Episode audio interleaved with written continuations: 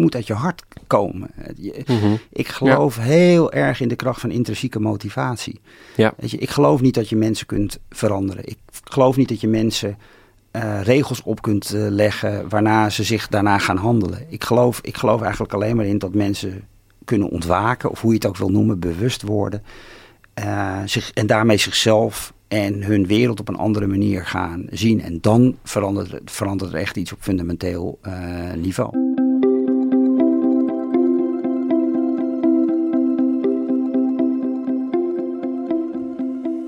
Dit is Het Groene Hart. De podcast van Growthinkers, waarin we op zoek gaan naar het groene hart van onze gasten. Voordat we beginnen met het interview, wil ik het met je hebben over een van onze duurzame favorieten.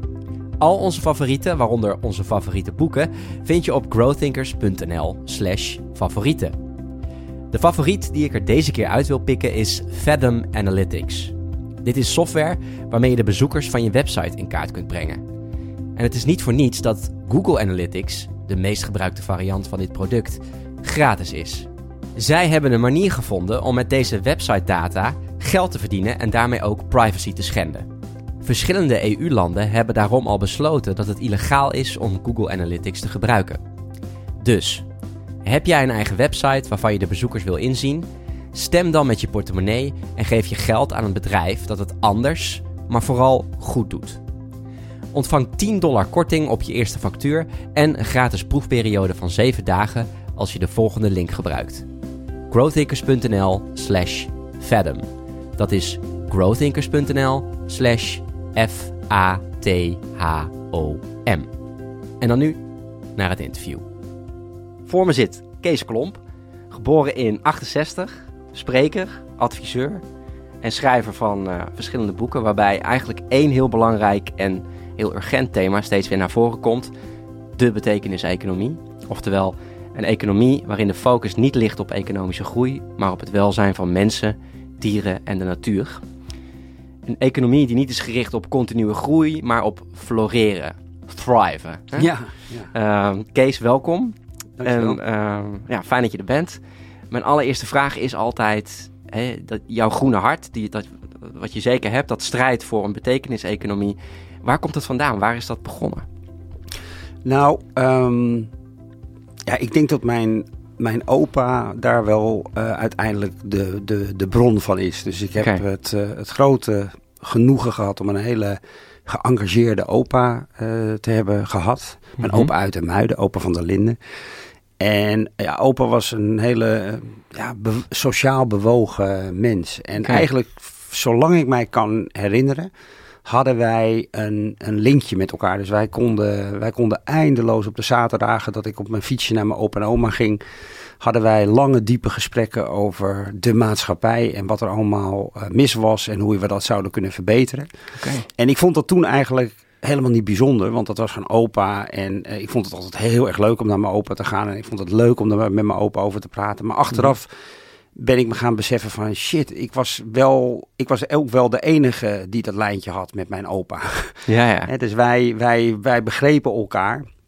En, eh, ja, en, hij, hij heeft mij enorm gevormd eh, Ja. door zijn blik op de wereld. En als ik die blik eh, zou moeten samenvatten, dan zou je kunnen zeggen dat mijn, mijn opa niet alleen een groen hart, maar ook een heel rood hart had. Het was, hij was ook een socialist. Mhm. ja. En, maar dat hart stond vooral echt open. En, eh, en dat heb ik heel erg van hem meegekregen. Van ja, durf je te laten raken door wat er gebeurt in de samenleving. Sluit je er niet voor af. Trek het je aan.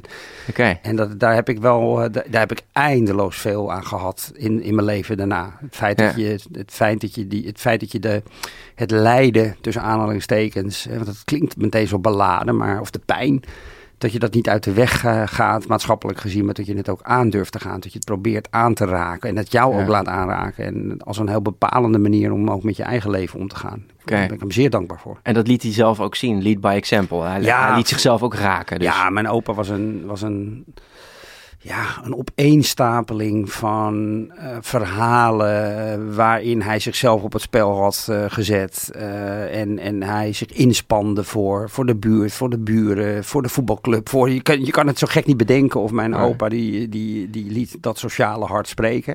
Kun je er een moment uithalen wat je, wat je nog goed kan herinneren? Ja, ik kan me heel goed herinneren. Wij, wij, dat kan ik me nog vooral herinneren. Dat was in de tijd dat er uh, ja, op televisie ehm, voor de eerste keer in mijn beleving in ieder geval uh, kinderen doodgingen op de televisie. En dat was in de tijd dat er hongersnood was in de laars van Afrika. Mhm.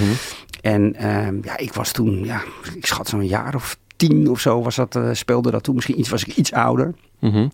En ik kan me nog heel goed herinneren dat dat was groot nieuws. Het was verschrikkelijk natuurlijk. En, en ik, kom, ik kom uit een, eh, uit een, een, een, een, winkeliersgezin, een middenstandsgezin. En ik weet nog heel goed dat we zaten te eten. En dat, het, dat er toen, dat was op de televisie. Dus we zaten te eten en de televisie stond, uh, stond aan met mijn vader en mijn moeder en mijn zus. En ik, en ik merkte dat ik dat beeld zag op de televisie. En ja, ik, ik kon gewoon letterlijk geen hap eten meer door mijn keel heen krijgen.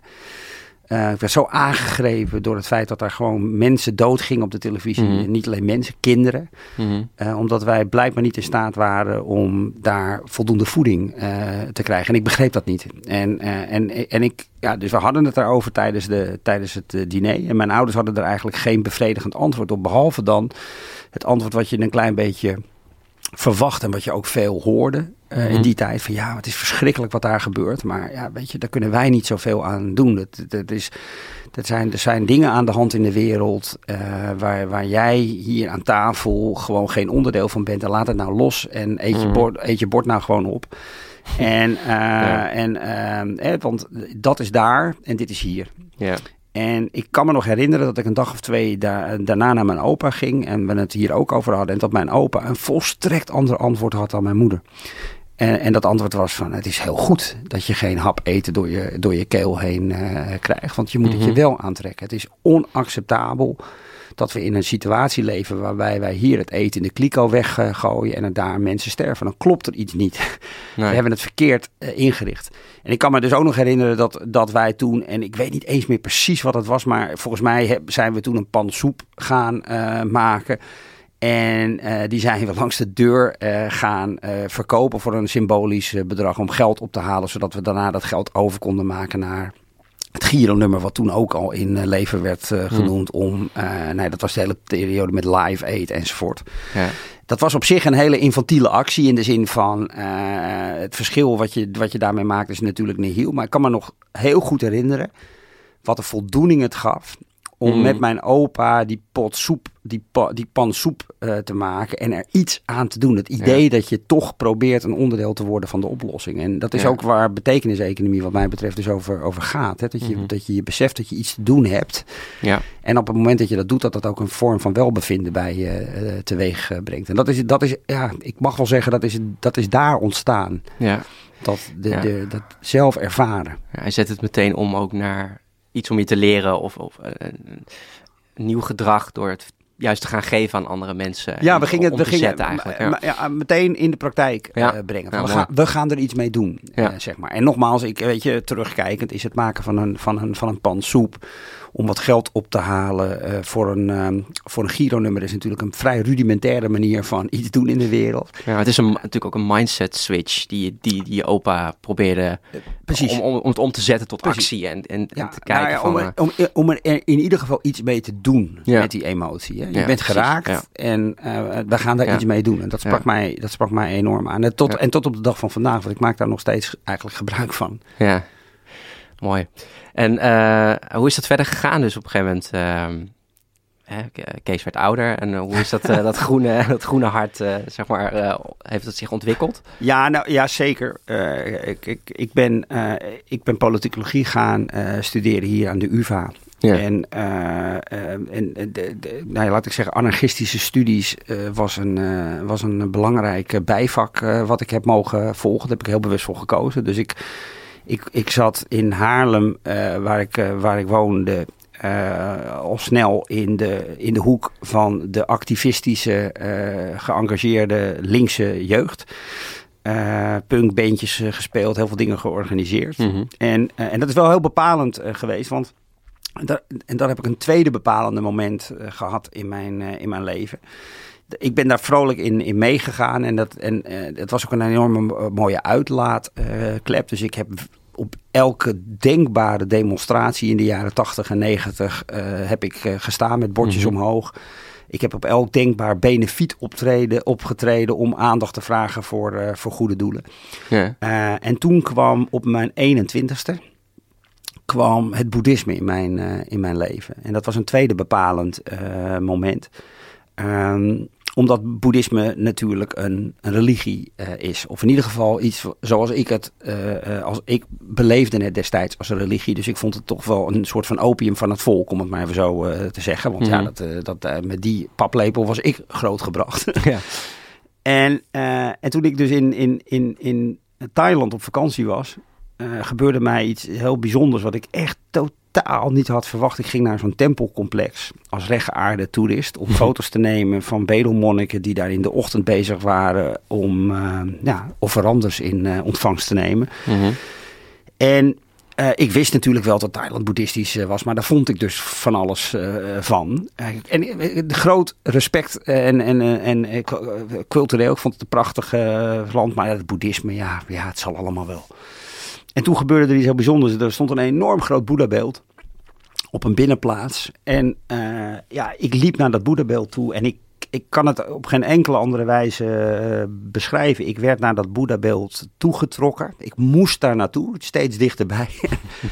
En ik voelde op een gegeven moment letterlijk een soort van warme gloed over mij heen komen, rondom mijn hartstreek. Echt een mhm. fysieke ervaring. En dan moet je je voorstellen, ik speelde die tijd in een, in een anarchistische punkband. Uh, ik was uh, ik was zo rationeel als, nou ja, je, dat was echt een volstrekt ridicule ervaring voor mij. Dat klopte totaal niet. Nee. Maar ik had het wel. ja. En, uh, en het was ook heel, het was heel apart, want het was fysiek. Het was echt letterlijk, mijn lijf stond in de, in de, in de brand, maar het was niet bedreigend. Dus ik kreeg een soort rust over mij heen. En ik, ik hoorde ook heel nadrukkelijk een stemmetje in mijn hoofd van uh, boekje kopen, boekje kopen over boeddhisme. Uh, en dat heb ik gedaan. Dus ik, heb, ik ben nog in, in die vakantie een boekje gaan kopen. En het, dat was, het werd het boek van Thich Nhat Hanh, een Vietnamese zen-monnik in The Heart of Buddha Teaching. Mm -hmm. En toen gebeurde er iets heel bijzonders toen ik dat boekje open sloeg. Uh, dat was echt werkelijk waar. Elke pagina die ik opensloeg was een soort mokerslag. Omdat ik daar opeens zag hoe verzuurd ik was uh, geraakt door het soort van activisme waar ik mij in mijn jeugd na de, de vormende jaren van mijn opa eigenlijk in terecht was gekomen. Want die punk scene, die anarchistische scene waar ik in uh, zat, hoe geëngageerd en gedreven die ook was. En hoe gek ik er ook op was en ben. Want ik heb heel veel warme vriendschappen uit die, uit die tijd. Mhm. ik, ik, hou van de punk nog steeds. Maar het, is wel, het was anti-alles. Ja, dus we waren, het was tegen haat. Ja. Het was schoppen, tegen schoppen, schoppen, ja. ja. maar ook vooral negatief. Dus opeens lag, las ik in, in, in een boek over boeddhisme dat je ook voor liefde kunt zijn. Nou, ik, ik wist niet wat ik meemaakte. ja. ha, je kan dus niet alleen tegen haat zijn, je kunt ook voor liefde zijn. Ja. En dat heeft een, een, een heel bepalend moment bij mij ook gebracht, waar ik echt ben gekanteld. Omdat ik besefte dat de energie die ik uh, creëerde negatieve energie was. Hmm. Ja, en, en dat voelde ik ook. Weet je, ik was, ik was verzuurd. Ik had een hele negatieve blik op, uh, op de mensheid. Ik had een hele negatieve blik op de toekomst. Uh, ja. En ik ontdekte door het, door, door het boeddhisme dat je daar ook anders naar kan kijken. Niet per definitie dat ik daarmee daarna opeens een soort van blije eikel werd. Maar wel dat ik besefte van, hé hey, luister, je kunt dus tegen haat en voor liefde, die kun je dus naast elkaar houden. Je hoeft niet voor het een of het ander te kiezen. Je kunt accepteren dat die er alle twee zijn. Ja. En dat heeft, dat heeft mij eigenlijk voor het tweede moment enorm uh, gevormd. En dat heeft me, ik ben dus ook daarbij verhangen. Dus ik ben nu 55 en ik heb nog steeds een boeddhistische levensbeschouwing. Uh, omdat het mij heel erg veel heeft uh, gebracht, ook om evenwicht te vinden in dat hart, om het maar zo te zeggen. Ja. ja want je hart laten raken kan ook betekenen dat je verzuurt en verzwart, om het maar even zo te zeggen. Ja, precies. En eh, wat jij zegt, negativiteit uh, trekt natuurlijk ook negativiteit aan. Dus precies. Uh, je krijgt daar denk ik ook uh, minder mee gedaan in je leven. Het moet, moet doen aan denken als ik bijvoorbeeld gewoon een random iemand op straat zie die heel erg aan het schoppen is en tegen het systeem. En dan denk ik altijd, ja, ik snap, ik snap jou echt volkomen. Ja. Dat voel ik ook. Maar de, de, de, de weg die je kiest, is, dat is niet de goede weg. Zeg maar, je zit heel erg in, inderdaad, in, in, in, in schoppen, in, in, in negativiteit, agressiviteit. Ja. Nou, het is een hele... machteloze, impactloze uh, energie. Ja, precies. Eh, kijk, eh, wat, wat wel belangrijk is, want ik wil, eh, want dat is, dat, dat is wel iets wat het boeddhisme mij heel erg heeft geleerd, wat, wat later onder de noemer mindfulness natuurlijk een soort van algemeen gedachtegoed is geworden, dat elke mhm. emotie die, zich, die er is en zich aandient, gewoon oké is. Hè? Dus woede is er en dat is oké.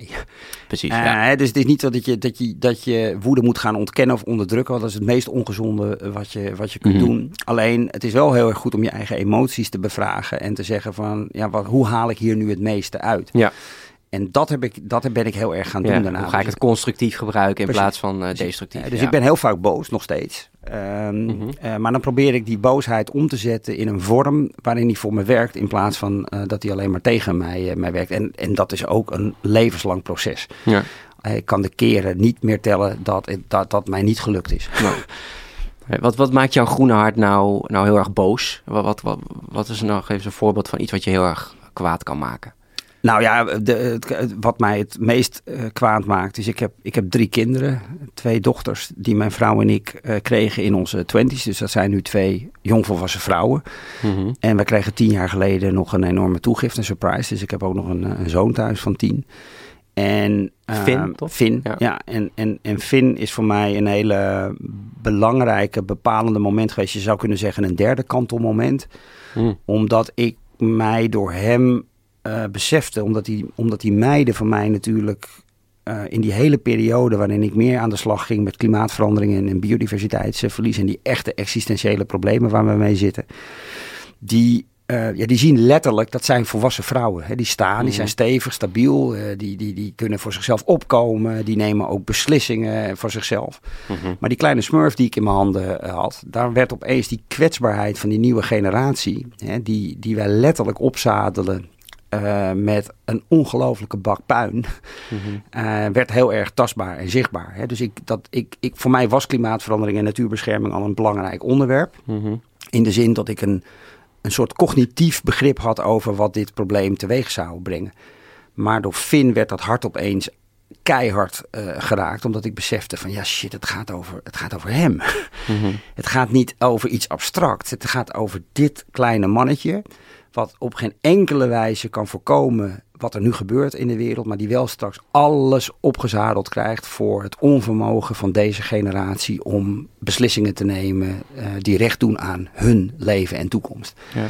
En, uh, en dat maakt mij tot op de dag van vandaag enorm kwaad, omdat ik gewoon zie dat er een enorme belangrijke groep mensen actief is die eigenlijk het onvermogen heeft om de, de maatregelen te nemen die we echt moeten nemen, omdat het oncomfortabel wordt.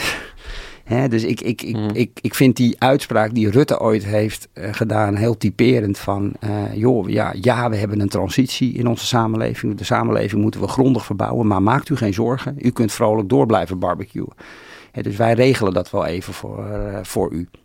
Dat is Rutte heeft vaak gelogen. maar dit is wel zijn allergrootste en meest kwaadaardige uh, leugen. Hmm. Uh, want dat heeft een, een, soort van ja, assumptie gecreëerd.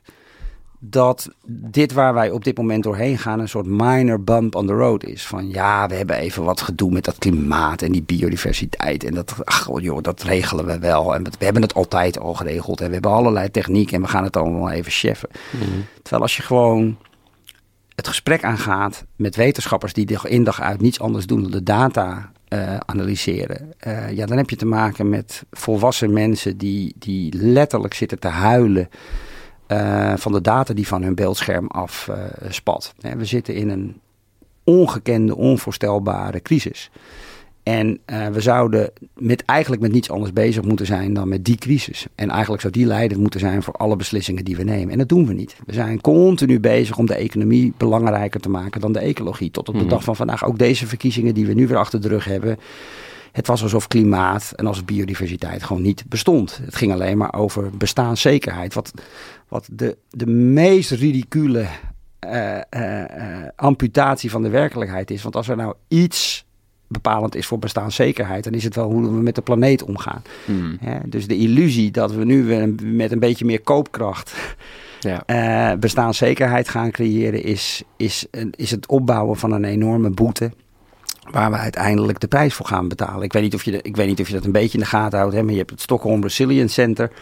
Dat doet onderzoek naar de planetaire grenzen. Dat zijn grenzen die we als mensheid eigenlijk niet mogen overschrijden om ons voortbestaan uh, in, um, in het gedrang uh, te brengen. Er zijn er negen geformuleerd.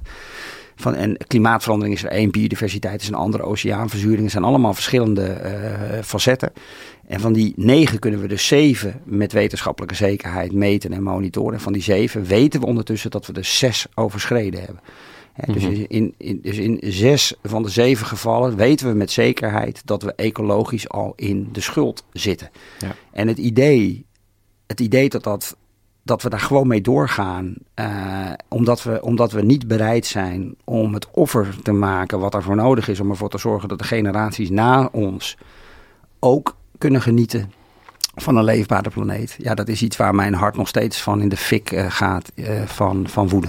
Ja, dus door ja, dat je dat nog steeds om je heen blijft zien. Dat is de norm. De, ja. norm, de norm is van ja, ja, maar ja, ik, ik heb een ik heb wel andere zorgen dan het klimaat. Hè? Of ja, het valt allemaal wel mee. We hebben het altijd weten te redden met elkaar. Ja, dat, dat mag je allemaal vinden. Maar het is niet in overeenstemming met dat wat de wetenschap ons vertelt. Nee.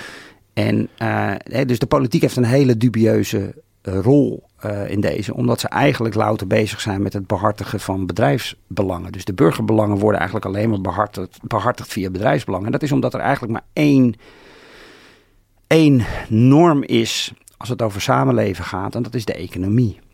Alles gaat alleen maar over geld en materiële ja. zaken. Ja, ja, ja. En daarmee helpen we onszelf uh, uh, richting de afgrond. En het vervelende is dat die generatie van mijn zoon en de generaties die daarna komen, want hij is alweer tien, maar er worden vandaag ook weer kinderen geboren.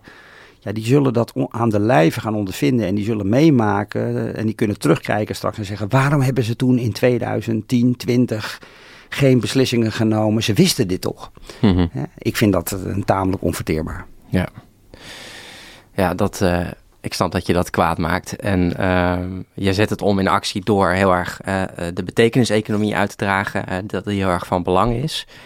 Um, dat is natuurlijk, dat is, dat, dat, dan hebben we het echt over systeemverandering. Ja. Hè? Um, zou, zou jij heel beknopt en in het kort kunnen uitleggen hoe jij die, hoe jij die verandering voor je ziet? Dus wat, ja. wat moet er dan veranderen? Nou kijk, de uh, betekenis-economie, wat ik probeer toe te voegen aan alles wat er al over economie is geschreven en gezegd en gedacht, is dat ik probeer te, de, te werken vanuit de erkenning dat er eigenlijk drie economieën zijn. Die altijd tegelijkertijd in het geding zijn. En de eerste economie, en dat is eigenlijk de enige economie waar je de hele dag over hoort en leest in de krant. Dat is de methodische economie. Dus dat Mhm. is de economie zoals we hem vandaag de dag meemaken. Dus dat Ja. zijn ontwikkelingen op het gebied van koopkracht, inflatie, economische groei. Werkeloosheid, allemaal dat soort eh, zaken. Ja, hè. Dus ja, je ziet, je- als het, als het over economie gaat in de krant of op televisie, dan schuift er een econoom aan en dan gaat het eigenlijk alleen maar: oké, we hebben nu een issue met inflatie. Hoe zouden economen daarmee omgaan? En dan komen ze met maatregelen of met beleidsvoorstellen en eh, dingen. Ja. Maar dat is, dat is de symptomische laag van economie. Ja, Hè, dus, die, methodisch. Ja. dus er wordt eigenlijk helemaal niet bevraagd van welke economie is dit. Het is gewoon, het is een gegeven en er is een ontwikkeling op het gebied van inflatie en daar moeten we iets tegen eh, doen. Mhm. Wat we vergeten is dat die symptoomlaag altijd veroorzaakt wordt door een laag die eronder eh, zit. En dat is meer de systemische eh, dimensie van economie. Die ook wel politieke economie wordt genoemd. Hè. Dus we kunnen een economie eigenlijk niet bekijken en beschouwen zonder de inachtneming dat alles in een economie politiek gekleurd is. Dus heel simpel gezegd, wij leven nu in een kapitalistische economie. Daar we, Mhm. dat is een keuze die we hebben gemaakt. En die is Mhm. bepalend voor hoe inflatie zich ontwikkelt en koopkracht en al die andere Ja. zaken Ja, met, met geld als grote drive. kapitaal Ja, vooral. Hè? ja, en, eh, en, en dan kom je al snel tot de conclusie, die, die laag wordt eigenlijk veel minder bevraagd. Mhm. En nu, nu de crisis toeneemt, zie je steeds meer mensen eh, het kapitalisme gaan bevragen. Mhm. Eh, maar, de- en het is ontzettend controversieel, want ja, kapitalisme is nu eenmaal zo. Hè? Ja, Om ja. maar eh, zien. Ja, ja, precies. Maar wat we vergeten, er is nog een laag eronder. En dat is de ontologische laag van economie. Er is ook altijd een ontologische economie. En een ontologische economie is dus de economie die heel erg gebaseerd is op hoe je naar de wereld kijkt. En hoe jij naar jezelf kijkt. Ja. En die is existentieel van aard. Hè? Dus de, die, die politieke economie die is meer cultureel van aard. Dus wat is de norm? Wat hebben we met elkaar Mhm. gecultiveerd en Mhm. geconditioneerd? Nou, dat is in dit geval een, een, een mix van liberalisme en kapitalisme. Of neoliberalisme en kapitalisme. Maar daaronder zitten vooronderstellingen over wat het is om een mens eh, te zijn. Nou, en daar gaat betekeniseconomie over. Omdat wij namelijk geconditioneerd zijn tot materiële wezens. En met materiële wezens bedoel ik dat wij eh, honderden jaren lang eigenlijk in een, in een, in een immer voor, eh, voortschrijdende, vereconomiseerde samenleving terecht zijn gekomen. Ja. Waardoor ons bestaan eigenlijk gereduceerd is tot de rol van, ja, ik zeg het wel eens met, ehm, ehm, om het een beetje eh, aan te, te dikken. We zijn eigenlijk gewoon ons hele leven een portemonnee. We, eh, we hebben een Ja. economische rol te vervullen. Je bent of een producent, of je bent een consument, of je bent een huishouden, of je bent een doelgroep, of eh, allemaal rollen Ja. die altijd te maken hebben met het, dat menselijke metabolisme wat een economie is. Wat gaat over geldstromen en goederenstromen. en, eh, en daarmee zijn wij steeds meer gereduceerd eigenlijk ook tot materiële wezens. Dus hè, ik ben, of ik bezit dus ik ben, is, is echt niet erg bezijdens de waarheid geworden. Eh, en waar betekenis over economie over gaat is, maar dat zijn we niet. We zijn namelijk existentiële wezens. Hè, dus wij, het aller, allerbelangrijkste wat mensen zoeken als het gaat over behoeften is zin. Hè, dus wij, en waarom is dat? Nou, dat heeft te maken met het feit dat wij bewuste wezens zijn. Wij zijn wezens met een bewustzijn. Dus wij zijn, wij zijn ons bewust van ons zijn. Even om het heel simpel te maken. Wij zijn wezens die weten op een bepaald moment, zo rond onze tienerjaren, dat we ook zullen sterven. Mhm. Eh, En dat levert allerlei existentiële spanning op. Want je moet iets van het leven maken. Want Ja. dat leven is dus daarmee feitelijk gezien zinloos geworden. Ja. Want ja, wat heeft het leven voor zin als je toch dood, eh, doodgaat? ja. en wij- ook van waar heb je zin in, toch? Wat, En, en precies. Wat, wat dat- geeft je zingeving? Ja, je moet er iets van maken. Hè? Dus, dat, is, hè? dus dat, dat, dat is, dat is eh, super belangrijk. Dat is existentieel. Dus wij kunnen niet alleen maar leven op onze biologische klok. Hè? Dus heel veel diersoorten die hebben dit bewustzijn en niet. En die planten zich gewoon voor. En die hebben, hebben alleen al die biologische realiteit. Maar wij hebben dus ook die, die morele eh, eh, realiteit. En die existentiële realiteit. Dat we er iets mee moeten. Mhm. En wat is nou het grote vergif van deze samenleving? Dat aspect is volstrekt gereduceerd in ons bestaande samenleving. Er is, weet je, zingeving, dat doe je maar thuis. Mhm. Dus eh, wat wij hebben ingericht is een, is een samenleving waarin je eh, op allerlei mogelijke manieren materie kunt verzamelen. Dus alles is gericht op eh, spullen kopen, verhandelen, markten, de markt bedienen, tot en met de politiek. En vervolgens worden we maar niet gelukkig. Dus we ervaren geen eh, eh, diep florerend welbevinden. En dat heeft te maken met het feit dat spullen niet gemaakt zijn om er zin aan te ontlenen. Nee. Dus het allerbelangrijkste wat ik met betekeniseconomie doe en probeer te doen, is om op die ontologische laag ruimte te creëren om onszelf als mens te herontdekken. En te zeggen van, Ja. ja, spullen, want er is namelijk niks met economie. Er is niks mis met het hebben van spullen. Nee. Het is, er is niks mis met goederen. Er is niks mis met het hebben van behoeften die je wil bevredigen. Er is alles mis als behoeften veranderen in begeerte. En je spullen gaat gebruiken om existentiële gevoelens ehm, eh, weg te duwen of te vervangen. En dat is, naar mijn beleving, dat is mijn theorie in ieder geval over economie. Dat is de belangrijkste reden waarom onze economie zo ongelooflijk oververhit is.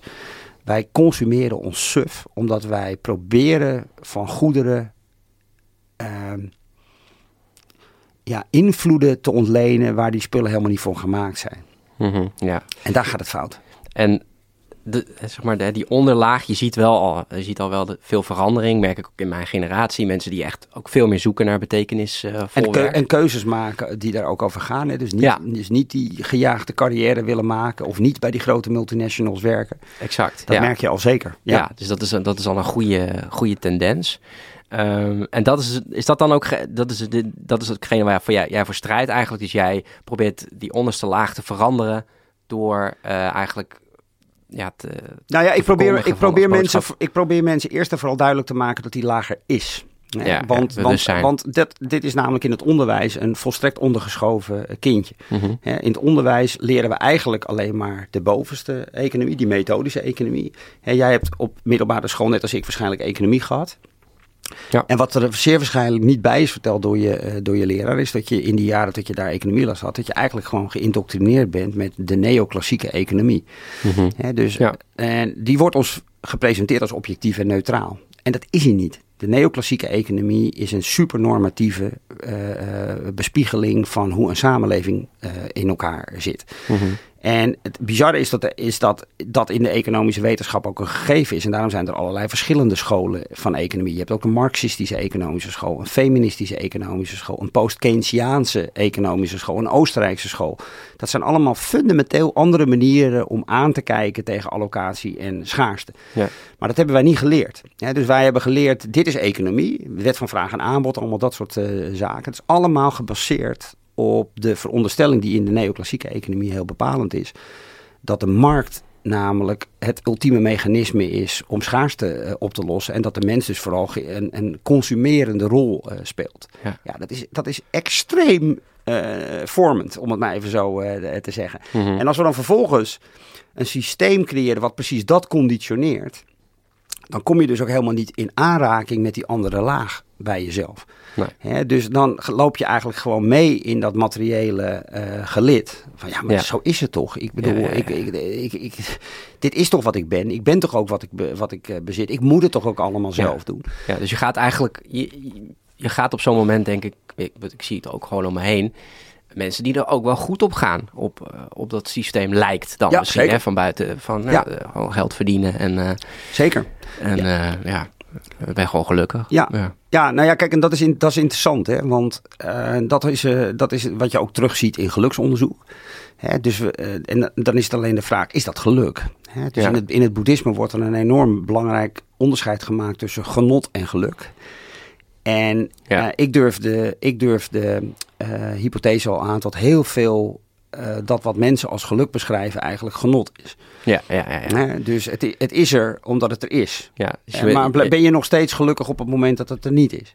Maar, en je hebt het nog niet, misschien nog niet het bewustzijn van er is meer. Ik kan veel meer geluk en veel meer voldoening halen als ik iemand help. Of Uit immateriële zaken, precies. Dat je dat ook niet nog niet hebt ontwikkeld, ontdekt in jezelf. Nee, kijk, en daarom, en daarom is dus het belangrijkste wat wij proberen te doen, is die onderste laag ja. bespreekbaar te maken. Van ja, maar wie ben je nou eigenlijk? Hè? En, mhm. dan, en met wie ben je vragen we dus niet hoe heet je, wat, is de, wat, uh, wat zijn je uh, sociodemografische uh, gegevens. En nee, maar waar komen jouw geloofssystemen vandaan? Dus niet wat is je geloofssysteem, welke waarden sta je voor, maar waarom zijn dat jouw waarden? Waarom vind jij dit belangrijk? Mm dus echt diepe introspectie omdat ze daarmee ontdekken, en dat, en dat is namelijk waar we, waar, het nou, waar we naartoe willen, dat wij mensen, wij zijn verhalende wezens. En wij, dat is wat ons existentieel maakt. Wij leven bij gratie van de verhalen die wij onszelf hebben verteld, waar we in geloven. Ja, ja. Geloof is de basis van het hebben van een wereldbeeld en een zelfbeeld. Dus door ons te identificeren met verhalen, zeg je: dit is de werkelijkheid, dit is de waarheid. Zijn wij in staat om een soort van stabiele persoonlijkheid te creëren? Want dan zeggen ik weet van mezelf. Hè, dus als ik geloof in het kapitalisme. Mm of ik geloof in het communisme, of ik geloof in het christendom, of ik geloof in de islam, dan, weet ik dan weet ik wie ik ben. Ja. En dan weet ik ook hoe ik me heb te verhouden tot de buitenwereld. Dat is heel groot gebracht natuurlijk. Als je die opa niet hebt gehad die jij had. Precies, dat is vormend. ja, dat je ouders heel erg, ook, heel erg daarin meegaan eigenlijk. Dat hebben we allemaal nodig. Dus we hebben altijd allemaal de verhalen nodig. En die verhalen geven ons dus, dus houvast. Maar in die verhalen zit dus ook de ruimte om, om, om te ontdekken dat je een verhaal kunt vervangen voor een ander verhaal. Of dat je er een verhaal naast kunt zetten. En dat is de ruimte waarin je kunt ontdekken. Want daar gaat het eigenlijk om betekeniseconomie. Als jij het immateriële belangrijker gaat vinden dan het materiële, omdat je weet dat het immateriële eigenlijk veel bepalender is voor je welbevinden dan het materiële, dan kun je je bevrijden van dat materiële juk. Hè? Dus ik heb het heel vaak over de bevrijde markteconomie in plaats van de vrije markteconomie. Want de vrije markteconomie is helemaal niet vrij we doen net alsof hij vrij is, maar mm. hij is vergeven van allerlei uh, dwang om ons maar goed te voelen materieel. Ja, ja, Dus als we ons kunnen bevrijden van dat juk, dan zijn we in staat om een gezonde relatie met goederen te ontwikkelen. Als we de goederen niet meer nodig hebben om onze existentiële bestaanspijn te verhullen, mm -hmm. dat we gewoon erin kunnen staan en zeggen van ja, dit is wat het is om mens te zijn dan kun je een gezonde relatie ontwikkelen met goederen. En dan, ben je nog, dan hebben we nog steeds goederen nodig, maar dan heb je geen 38 paar schoenen nodig. Mhm. Eh, omdat je maar schoenen blijft kopen, omdat de economie zegt, ja, maar met dit paar schoenen word je echt wel gelukkig. of de norm zegt van, ja, nu moet je rode schoenen hebben, anders word je, word je uitgesloten, wat ook weer existentieel is. Mhm. Dan kun je gewoon schoenen kopen, omdat schoenen er zijn om, eh, eh, om, om je voeten heen te houden als Ja. bescherming. gewoon nodig hebt. Je hebt ze nodig. Ja, ja that's it. En dan, en dan kunnen we een gezonde relatie verhouden tot schaarste. Ja. Dat is mijn hypothese in ieder geval. Ja. Laat ons even verpla verplaats je even in iemand die nu luistert en die denkt van ja, eh, Kees, ik, ik wil ook meer bijdragen aan die betekeniseconomie. Ik zit misschien op dit moment een beetje vast in hè, dat, dat, die oude stempel, dat kapitalisme en eh, een, een materialistisch wezen ben ik. Wat zou je tegen diegene zeggen van waar, waar te beginnen? Nou, ik zeg altijd, een betere wereld begint niet bij, of een andere wereld begint niet bij jezelf, maar in jezelf. Hè? Dus het allerbelangrijkste wat je kunt doen, en ik noem dat, eh, ik noem dat dissolutie, en dat, dat is een term die ik overigens geleend heb van een Amerikaanse sociologe, Martha Beck. En dissolutie is eigenlijk het tegenovergestelde van revolutie. hè. Dus revolutie is, eh, is onze, onze relatie met macht. Eh, de, de meest primaire manier om om te gaan met macht, als we, het, als we de macht willen veranderen, is dat we de macht omverwerpen. Hè. Dus dat is wat een revolutie eh, is. Mhm. Hebt op een gegeven moment komt een groep mensen in verzet, in opstand en over, overthrow de, markt, eh, Ja. de macht, om het maar zo te zeggen. wat je ook veel ziet, denk ik, bij, bij onze generatie, is dat je op, op de- ook erachter komt dat, dat wat je ouders je hebben meegegeven, dat dat eigenlijk niet echt past bij wie je eigenlijk werkelijk bent. Of Nou ja, kijk, en, hebt- eh, kijk ja, wat, opgegroeid. dus wat, wat dissolutie is, is dat je je macht ook kunt oplossen. Dissolutie Ja. gaat dus over dissolve. Hè? Ja. Dus, eh, dus heel simpel eh, gezegd, op het moment dat jij door het verhaal heen kunt prikken wat de dominante logica is, want daar gaat de dissolutie over, ben jij Mhm. in staat om het verhaal wat iedereen zegt, ja maar zo is het nu eenmaal, te zeggen, ja maar zo is het helemaal niet. ja, kun je je bevrijden van de dominante logica, dan ontstaat er de ruimte om, je, om een ander leven te gaan leiden zonder je onder de noemer van vrije wil eigenlijk continu te laten domineren door die dominante logica. ja, en dat is voor mij de crux om, om, om te beginnen. ja, En, en, Mooi. dus, en dus ook niet in eh, gebieding en verbieding, eh, andere wet en regelgeving installeren. Heel veel wat je nu ziet, hè, ja, we moeten bedrijven gewoon dwingen en dan gaan we ze met carbon beprijzen en, enzovoort. Dat is allemaal Ja. prima. Dus je gaat eigenlijk ook bij heel veel dingen ga je jezelf afvragen. Oké, is dit waar? Is dit, eh, hè, mensen kunnen wel zeggen dat, dat ik een huis moet kopen omdat dat goed is voor je toekomst. En eh, als je huurt, gooi, je Ja. geld weg. Eh, maar is dat ook echt zo? Is Ja. dat echt de waarheid? Ja. Ik noem zomaar een voorbeeld uit mijn eigen leven. Nou ja, zeker. Nou ja, kijk, een van de, een van de mooiste dingen, een voorbeeld van dissolutie, van echt ehm, de dominante logica door, eh, doorbreken, is bijvoorbeeld nu de, de opkomst van eh, de commons, de meent. Ja, dus wat je ziet Mhm. is, ehm, de, de, in de huidige economie, de, de methodische economie zegt n- de, de markt. Ik, heb Ja. zo, ik ken zelfs economen die zichzelf marktmeester noemen. Dus dat, is, dat, is, dat betekent dus dat je je als econoom reduceert tot iemand die verstand heeft van de markt. Ja, wil op die, eh, op die bovenste, die derde laag. Ja, dat, kijk je eh, alleen maar- dus, termen, hè, dus, koopkracht, eh, inflatie. ja, want- eh, ja. Er is namelijk, als je in de economische literatuur duikt, zijn er per definitie drie manieren waarop wij ehm, allocatie op kunnen lossen. Dat is de markt inderdaad, hè? dus dat is de vrije markt. Maar we hebben ook nog de planeconomie, dat is dat de staat het gaat uitmaken. En we hebben ook nog een derde, en dat wordt de meent genoemd, de commons. En dat betekent dat burgers met elkaar direct, dus zonder inmenging van de staat en zonder eh, gebruik te maken van de markt, dus zonder bedrijven, gewoon zaken met elkaar gaan regelen. Energie, voedsel, bouwen. En hè, dus als we als voorbeeld nemen voedsel. Hè, dus je, er is een markt waarbij Mhm. boeren eh, voedsel produceren. En die wordt via, komt dan in de supermarkt terecht en dan gaan wij het kopen. En dan zeggen, nou, zo, zo regelen we dat met elkaar. Mhm. Maar je kunt ook met een aantal eh, mensen tegelijkertijd een, een common beginnen. Waarbij je eh, 500 of 1000 eh, gezinnen bij elkaar zegt: Weet je wat, zullen wij samen een boerderij gaan pachten? Nou, herenboeren doen dat onder andere. Eh, en daarmee, ver- daarmee los je eigenlijk de macht van de Een markt. op. community beginnen eigenlijk. Ja, want je wordt Ja. dus gewoon producent en consument Wat tegelijkertijd. je veel ziet ook nu in Nederland met die tiny houses bij elkaar. eh, Oh, mensen die, 100%. eh, ja. Hè, de- en dat, is dis, dat vraagt dissolutie. Want dissolutie betekent dus niet dat je de straat op gaat met bordjes om te protesteren tegen de lage prijs die boeren krijgen voor hun eh, producten of het feit dat supermarkten te veel winst maken, dan blijf je dus vastzitten in het oude verhaal. Nee, Mhm. je lost dat gewoon op door te zeggen van maar ik heb die supermarkt helemaal niet meer nodig. Ja. Of die boeren, ik ga het gewoon zelf doen. Ja. En, dit is, en, en dit gebeurt ook met eh, bouw, woningbouw. Er zijn steeds meer projecten waarin mensen zeggen van ja, de enige manier waarop wij nog kans kunnen maken om woningen te bouwen is dat we zelf een coöperatie moeten beginnen. Dus laat, let's do it. Mhm. En we maken andere afspraken. We zetten de projectontwikkelaars als het ware buitenspel. We gaan het zelf eh, doen. Energievoorziening. Er zijn allerlei energiecoöperaties waarin mensen hun eigen energie gaan, eh, gaan opwekken. Ja. En dat is volgens mij ook een hele belangrijke manier om de, de, ja, de conventie te doorbreken en te challengen. Ja. Niet door er tegen te schoppen en tegen te vechten, maar het gewoon op te lossen. Ja. Op het moment dat jij je eigen voedsel verbouwt met anderen samen, heb je geen supermarkten meer nodig. Zo simpel is het. Dus deze, dat hoort allemaal bij desolu- dissolutie. dan, hè? Dissolutie. ja. Dissolutie, op, ja. op, op, het oplossen van macht. Ja, het oplossen van macht. Macht heeft alleen maar macht op het moment dat je de macht die er is erkent.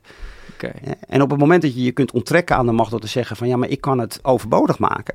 Als jij als, jij als eh, eh, lid van herenboeren gewoon lokaal geproduceerd, biologisch, organisch voedsel krijgt, ja, dan hoef je niet meer naar de supermarkt. Mhm. Dus ja, dan, dan ontkom je dus aan marktwerking binnen die, eh, eh, binnen die sector. En dat geldt Ja. voor heel erg veel. Op het moment dat jij die eigen energie kunt opwekken. Ja. Ja, dat is ook interessant om te zien dat... gaat eigenlijk non- non-conformeren eigenlijk. Je, je conf- conformeert niet meer aan... Nee, je creëert Het- een alternatief, Ja. letterlijk. En dat is, een, dat is echt heel wezenlijk. Maar dat begint allemaal in je eigen hoofd natuurlijk. Ja. Hè? Want dat partij is namelijk wel, dit is wat ik activisme noem. Hè? Ja. De mensen die dit doen, dat zijn, vind ik dus activisten. Pioniers misschien ook. Ja, maar Ja. Het, het zijn vooral mensen die niet langer alleen maar naar de situatie kijken en zich daar geërgerd toe verhouden en zeggen van er klopt niks van. Nee, zij, zij creëren een alternatief. Dus een activist is iemand die iets creëert Mhm. in mijn beleving. Ja. Hè, dus het is, een activisme is niet een bordje omhoog houden en je, eh, je onvrede uiten. Dat is een clichébeeld wat er nu eh, leeft. Het is eigenlijk Ja, een hele tandeloze vorm van activisme. Ja, ja. Beetje een negatieve connotatie omheen, hè? Activist. Ja, maar, dat is, maar het is eigenlijk ook gewoon een hele eh, machteloze vorm van ehm, Ja, eh, tegen het systeem schoppen. ja, ja Het precies. is eigenlijk gewoon heel, ja, ja, ja, eigenlijk leg je nog steeds alle macht buiten jezelf neer. Want je, dat, dat Ja. bordje houdt je, hou je omhoog naar een, Ja. een grotere macht die jou moet zien en zeggen, oh ja, shit, ja, Kees, je hebt wel een punt. Ja, Ja. Terwijl Eh, je met, met, met wat jij net zegt, veel meer je eigen, je eigen community bouwt. Eigen je eigen macht eh, gaat Ja. creëren eigenlijk. Ja. En En, dat- dan, En dat zie je dus enorm, hè? ja. Een enorme beweging wereldwijd. absoluut. Miljarden mensen ondertussen die op de een of andere manier met deze vorm bezig zijn. Die, en die, en dat, dat is ook belangrijk. Daar zit een, daar zit een enorme groep. Hè? Dus wij maken nu in Nederland, hebben we nu de verkiezingen achter de rug... waarin we ons druk maken over afgehaakt eh, Nederland. Ehm, en, ehm, maar dit zijn de mensen die afhaken en hun heil zoeken in populistische eh, po- Mhm. eh, politici... zijn niet echt afgehaakt. ja, even goed om te vertellen. 14 december nemen we dit op. Oh, eh, 2023. Ja, Als, goed punt. Ja. als Geert Wilders net eh, 37 zetels heeft eh, gehaald. En we inderdaad praten over mensen die zijn afgehaakt. Maar die En, zijn niet achter- echt afgehaakt. Want die hebben nog steeds het vertrouwen dat de overheid het voor ze gaat regelen. mhm. De echt afgehaakte mensen hebben het opgegeven een alternatief. Nee, die hebben een alternatief gecreëerd. Dus Ja, de- Als, je, als jij iets wil doen aan je bestaanszekerheid, dan eh, kan Dus je hopen dat de overheid gaat regelen dat jouw koopkracht beter wordt geregeld. Maar op het moment dat jij je leven anders kan inrichten, waardoor je veel minder afhankelijk bent van die portemonnee, ja. dan, eh, dan ben je echt bezig met het creëren van Dus alternatieven. jij zou ook over jezelf zeggen, ik ben afgehaakt. Ja, zeker. In de, in de goede, ja, tussen haakjes, Ja. goede zin van het woord. Ja, ik ben in ieder geval mentaal afgehaakt. ja, precies. Oké, dus dan, dus eh, dissolutie is eigenlijk de term om je, mm, om, om bij te gaan dragen aan die betekeniseconomie. Want inderdaad, stel je maakt zo'n commons en dat, eh, dat, zet je, in de ja. wereld. Dat inspireert natuurlijk ook weer anderen om, Nou of. om dat misschien ook te gaan doen. Eh, dus dan, dan, maak je het, dan maak je die beweging natuurlijk ook groter. En dat heet amplitie. Dat laatste wat je nu net eh, zei. Want op het moment dat je dat inderdaad gaat doen. Amplificeren eigenlijk. Ja, en, eh, nou, amplify. Dus dat is to versterken. Hè? ja. Dus amplitie betekent als jij dit soort initiatieven energie geeft. Als je, daar, als je die ziet. Mhm. dan krijgen ze eigenlijk vanzelf navolging. Hè, dus wat heel belangrijk is, ik noem dat het voorleverschap. Dus uh, een maatschappij heeft voorlevers nodig om belangrijke verandering te werken. En voorlevers zijn anders dan voorbeelden. Mhm. dus voorbeelden zijn over het algemeen mensen die een kwaliteit hebben die iemand anders aspireert, maar die, die tamelijk onbereikbaar zijn. Dus je probeert zoveel mogelijk in de buurt te komen van je voorbeeld. Mhm. Terwijl een voorlever iemand is waar je jezelf eigenlijk volledig in herkent. Dus Ja. een voorlever doet iets waarvan je denkt van ja, zo bijzonder is dit niet, dat kan ik eigenlijk ook. Ja. Eh, eh, dus de mensen die zo'n voedselcoöperatie beginnen zijn voorlevers. Omdat die doen iets waarvan iedereen denkt van ja, shit, dat kan ik toch ook. Ik bedoel, waarom zou ik dat niet eigenlijk kunnen gaan doen? Mhm. En het feit dat zij voorgaan eigenlijk in een bepaald gedrag waarvan andere mensen zeggen, ja, maar dit, dit is niet zo ingewikkeld, dit is niet ingrijpend, dit, dit, dit is heel haalbaar. Dat zorgt ervoor dat andere mensen het nagaan eh, gaan doen. Ja. Dus heel belangrijk om eh, voor te leven. Dus Ja. om, de, om de aandacht te focussen op de oplossing zijn, in Mhm. plaats van eh, tegen het, het eh, systeem te schoppen wat niet goed is. Want elke keer dat je eigenlijk schopt, richt je de energie op het negatieve. Ja. Terwijl als je gewoon de oplossing bent, Mhm. en eh, eh, dan, ja, dan, dan heb je een volstrekt andere energie. En dan gaan we, dan gaan we even helemaal weer terug naar mijn eh 21-jarige, waarin ik precies dit toen beleefde toen ik dat boekje las. Ja. Van heel veel mensen met de beste intenties zijn eigenlijk alleen maar bezig om de aandacht bij het failliete systeem te houden. Ja. Door Ja. er tegen te schoppen en hun onmin te uiten. Terwijl het nieuwe systeem er al lang is. Het barst van de mensen die ons aangeven hoe ons leven eruit zou kunnen zien. Heb jij tips om die mensen eh, te vinden? Want wat, wat ik bijvoorbeeld bij mezelf heel erg, als je het over afhaken hebt, heel erg merkt, is dat ik heel erg afgehaakt ben van social media. Ja, In het begin vond ik het heel eh, exciting en interessant wat ik ermee kon, maar ik merk dat het me gewoon veel minder gelukkig maakt ja, dan dat het me Ja. gelukkig maakt eigenlijk. Ehm, en dat ik ook, ik wil, ah, ja, ik wil eigenlijk zoveel mogelijk die smartphone weg hebben als ik met mijn dochter ben. Gewoon, ja, weet je, ik wil dat niet belangrijk, ik wil haar veel meer belangrijk maken en gewoon met haar zijn. Maar toch vind ik het wel, toch voel ik me ook af en toe, en ik denk wel meer, meer mensen die hier naar luisteren, eenzaam binnen, binnen hoe je hierover nadenkt. Want het is natuurlijk nog steeds een groot, ja, groot deel van, groot deel mensen wat nog steeds heel erg, ja, ik wil niet zeggen dat hun nog slapen, of ik bedoel, het- Hmm. het is ieder, ieder heeft natuurlijk zijn eigen proces, ja. maar die, die hier ook veel meer mee bezig zijn. Heb jij tips om die te vinden? Nou ja, kijk, ja, nou ja, kijk, het allerbelangrijkste wat mensen moeten weten is dat je, is dat je echt in, op, elke denkbare plek in Nederland kom je voorlevers tegen. Ik bedoel, ik woon zelf Mhm. in een heel klein dorpje in, in, eh, in Drenthe. ja. En wij hebben in ons dorpje ook een voedselbos, om maar even een eh, voorbeeld eh, te noemen. Ja. Dus de initiatieven zijn er. Mhm. Dus het allerbelangrijkste wat je volgens mij kunt, kunt doen, en ik, ik herken dit heel erg wat je, wat je, wat je zegt, Mhm. ehm, is, is de moeite nemen om uit de waan van de dag eh, gewoon beter om je heen te gaan kijken in eerste instantie. is echt heel belangrijk. Van wat, Mhm. gebe- wat gebeurt er hier nou eigenlijk in mijn wijk? Hè, Mhm. Of in mijn dorp of in mijn eh, stad. En dan, en dan schrik je heel vaak. Want eh, in elke denkbare wijk hier in Amsterdam gebeuren de meest fantastische dingen.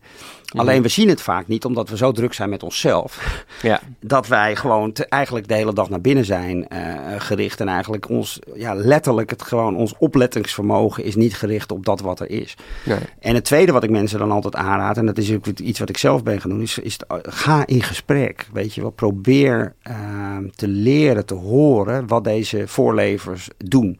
Dus op het moment dat je ze signaleert, en nogmaals, daar hoef je eigenlijk niet eens zo je best voor te doen, want er, is, er zijn geen plekken in Nederland, geen dorpen of provincies waarin ze niet bestaan. Echt niet. Ehm, dan is de tweede stap die je moet doen, en die is vrij eenvoudig ook, is, is het te benaderen, in gesprek eh, te gaan. En dan ontmoet je eigenlijk over, ja, op een hele makkelijke en snelle manier enorm veel gelijkgestemdheid op dit, eh, op dit onderwerp. Want dan zie je ook dat, wat, ook iets wat in de, eh, in de politiek eh, uitgemolken is, een verkiezing geleden, toen we provinciale verkiezingen hadden, waarin net werd gedaan alsof er een tegenstelling was tussen de stad en het platteland. Dat is een volstrekte onzin. Dat is gewoon populistische prietpraat. Eh, ik woon op het platteland en eh, ik heb in mijn dorp supergroen geëngageerde mensen zitten die zich helemaal instellen voor, inzetten voor de biodiversiteit en Partij voor de Dieren stemmen. Mhm. Eh, weet je, terwijl, en ook in de stad kom je ze Ja. tegen. Het is alleen, de, je, moet, je moet die ontmoeting creëren. Hè? En, ehm, en, daar, ja, en daar is social media natuurlijk gewoon het minst geschikte eh, eh, domein eh, voor. Dus we hebben wel continu het idee dat we elkaar ontmoeten. Maar we ontmoeten elkaar natuurlijk helemaal niet op social media. Je, je ontmoet een karikatuur. En, en het is verschrikkelijk. En je brein slaat het ook niet op als. Of ja, het, het, werkt, het pakt niet als, als sociaal contact. Wij zitten nu hier samen en ik zal daar straks ook de, de positieve effecten van ervaren als ik thuis kom. Van oh, fijn met Kees gepraat. En uh, het is anders. Maar social media, dat heeft dat niet. Nee. Dat is, dat, zo zijn wij ook niet gewired als mens. Nee, en tegelijkertijd is het voor onze jongeren een extreem dominante manier geworden om met elkaar uh, te communiceren. I know, ja. Dat is echt heel zorgwekkend. Ja. Uh, dus het is, ik, ik, ik, ben het helemaal met je eens. Mm -hmm. En we hebben volgens mij ook gezien bij jongeren zelf wat het heeft gedaan in die coronaperiode, waarin, er, waarin dat die uh, beeldschermcultuur zeg mhm. maar, de norm werd. Hè. We konden niet anders. Ja. Het heeft een enorme bak lijden uh, veroorzaakt. Mm -hmm. En uh, dus ja, ik, ja ik, vind ik vind dat inderdaad ook echt een hele zorgwekkende ontwikkeling waar ja. we perk en paal aan moeten stellen. Maar hier heb je er weer één. Dat, dat kan de politiek eigenlijk niet, want het is een markt.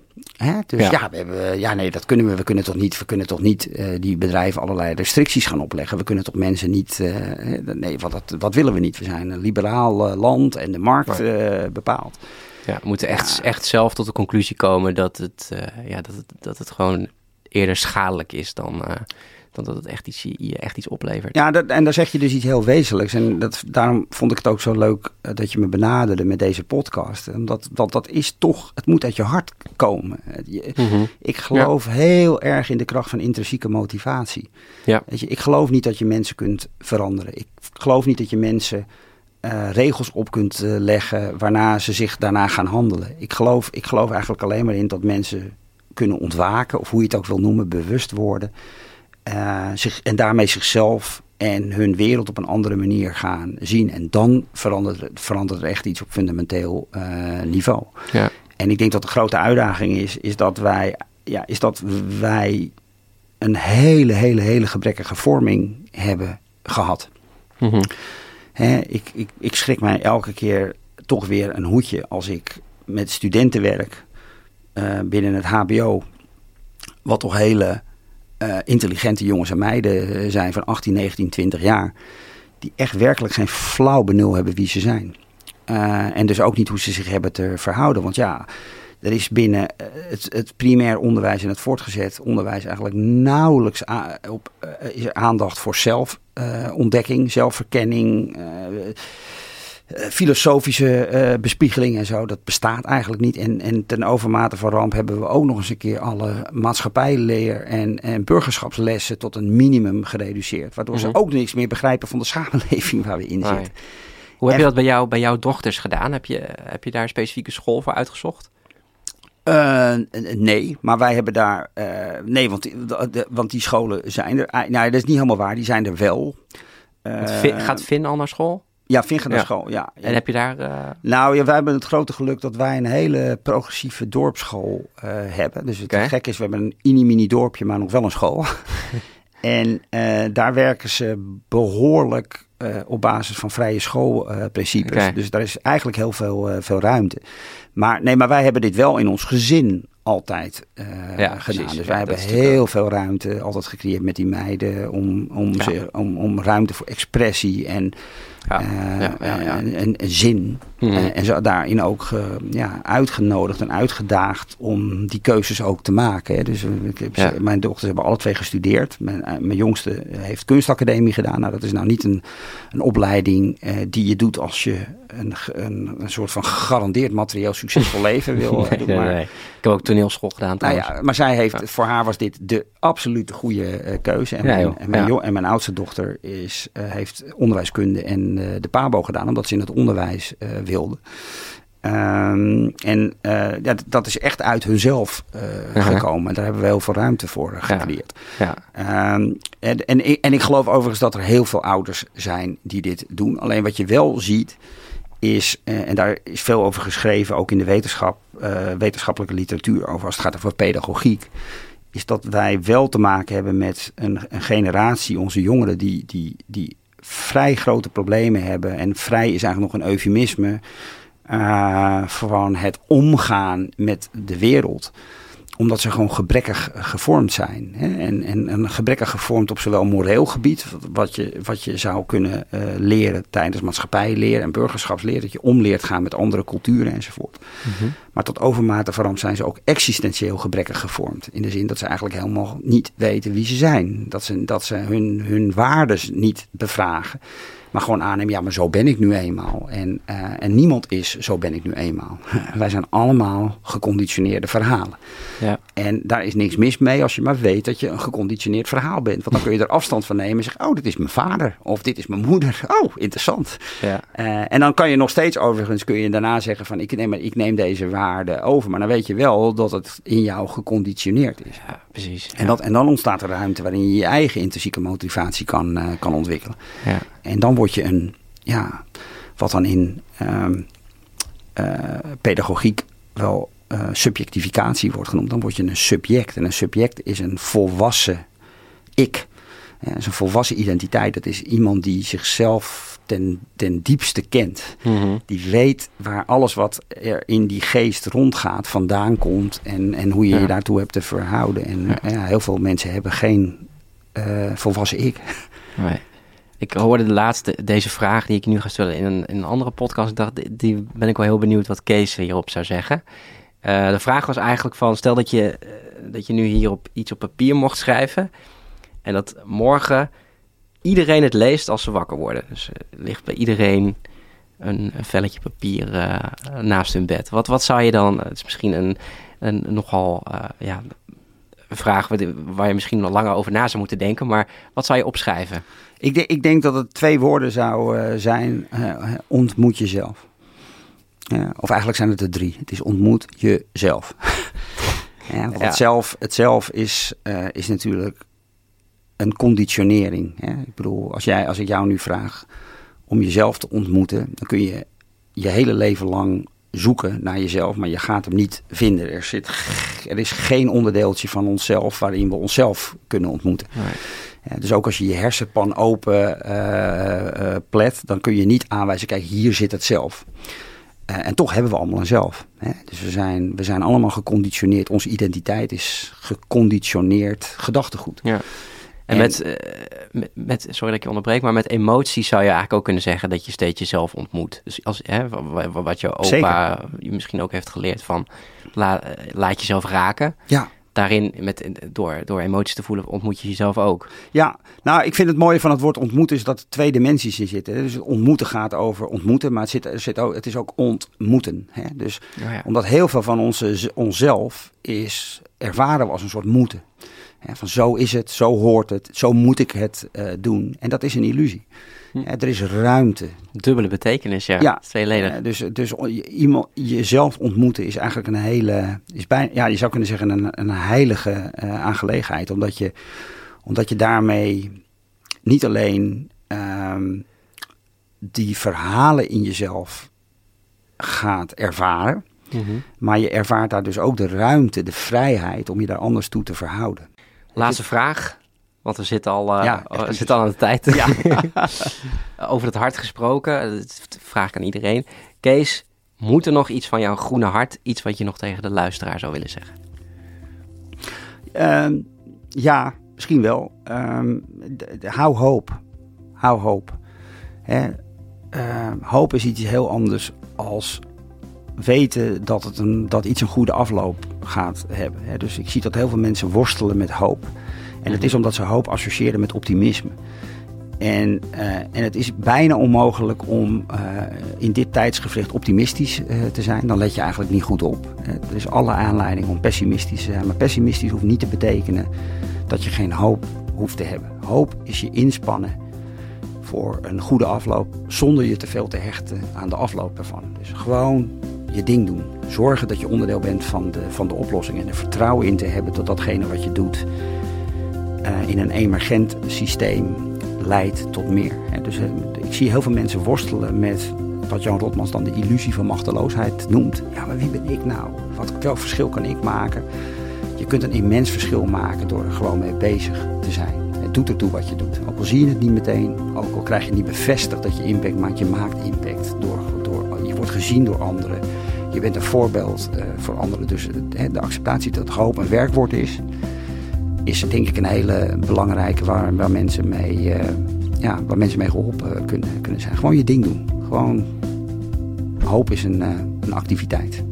Dankjewel Kees. Graag gedaan. Dit was het Groene Hart van Kees Klomp. Alle links naar wat we hebben besproken vind je in de show notes terug. En als je dan toch helemaal tot hier hebt geluisterd en je het belangrijk vindt dat dit wordt doorgegeven, geef onze podcast dan even 5 sterren.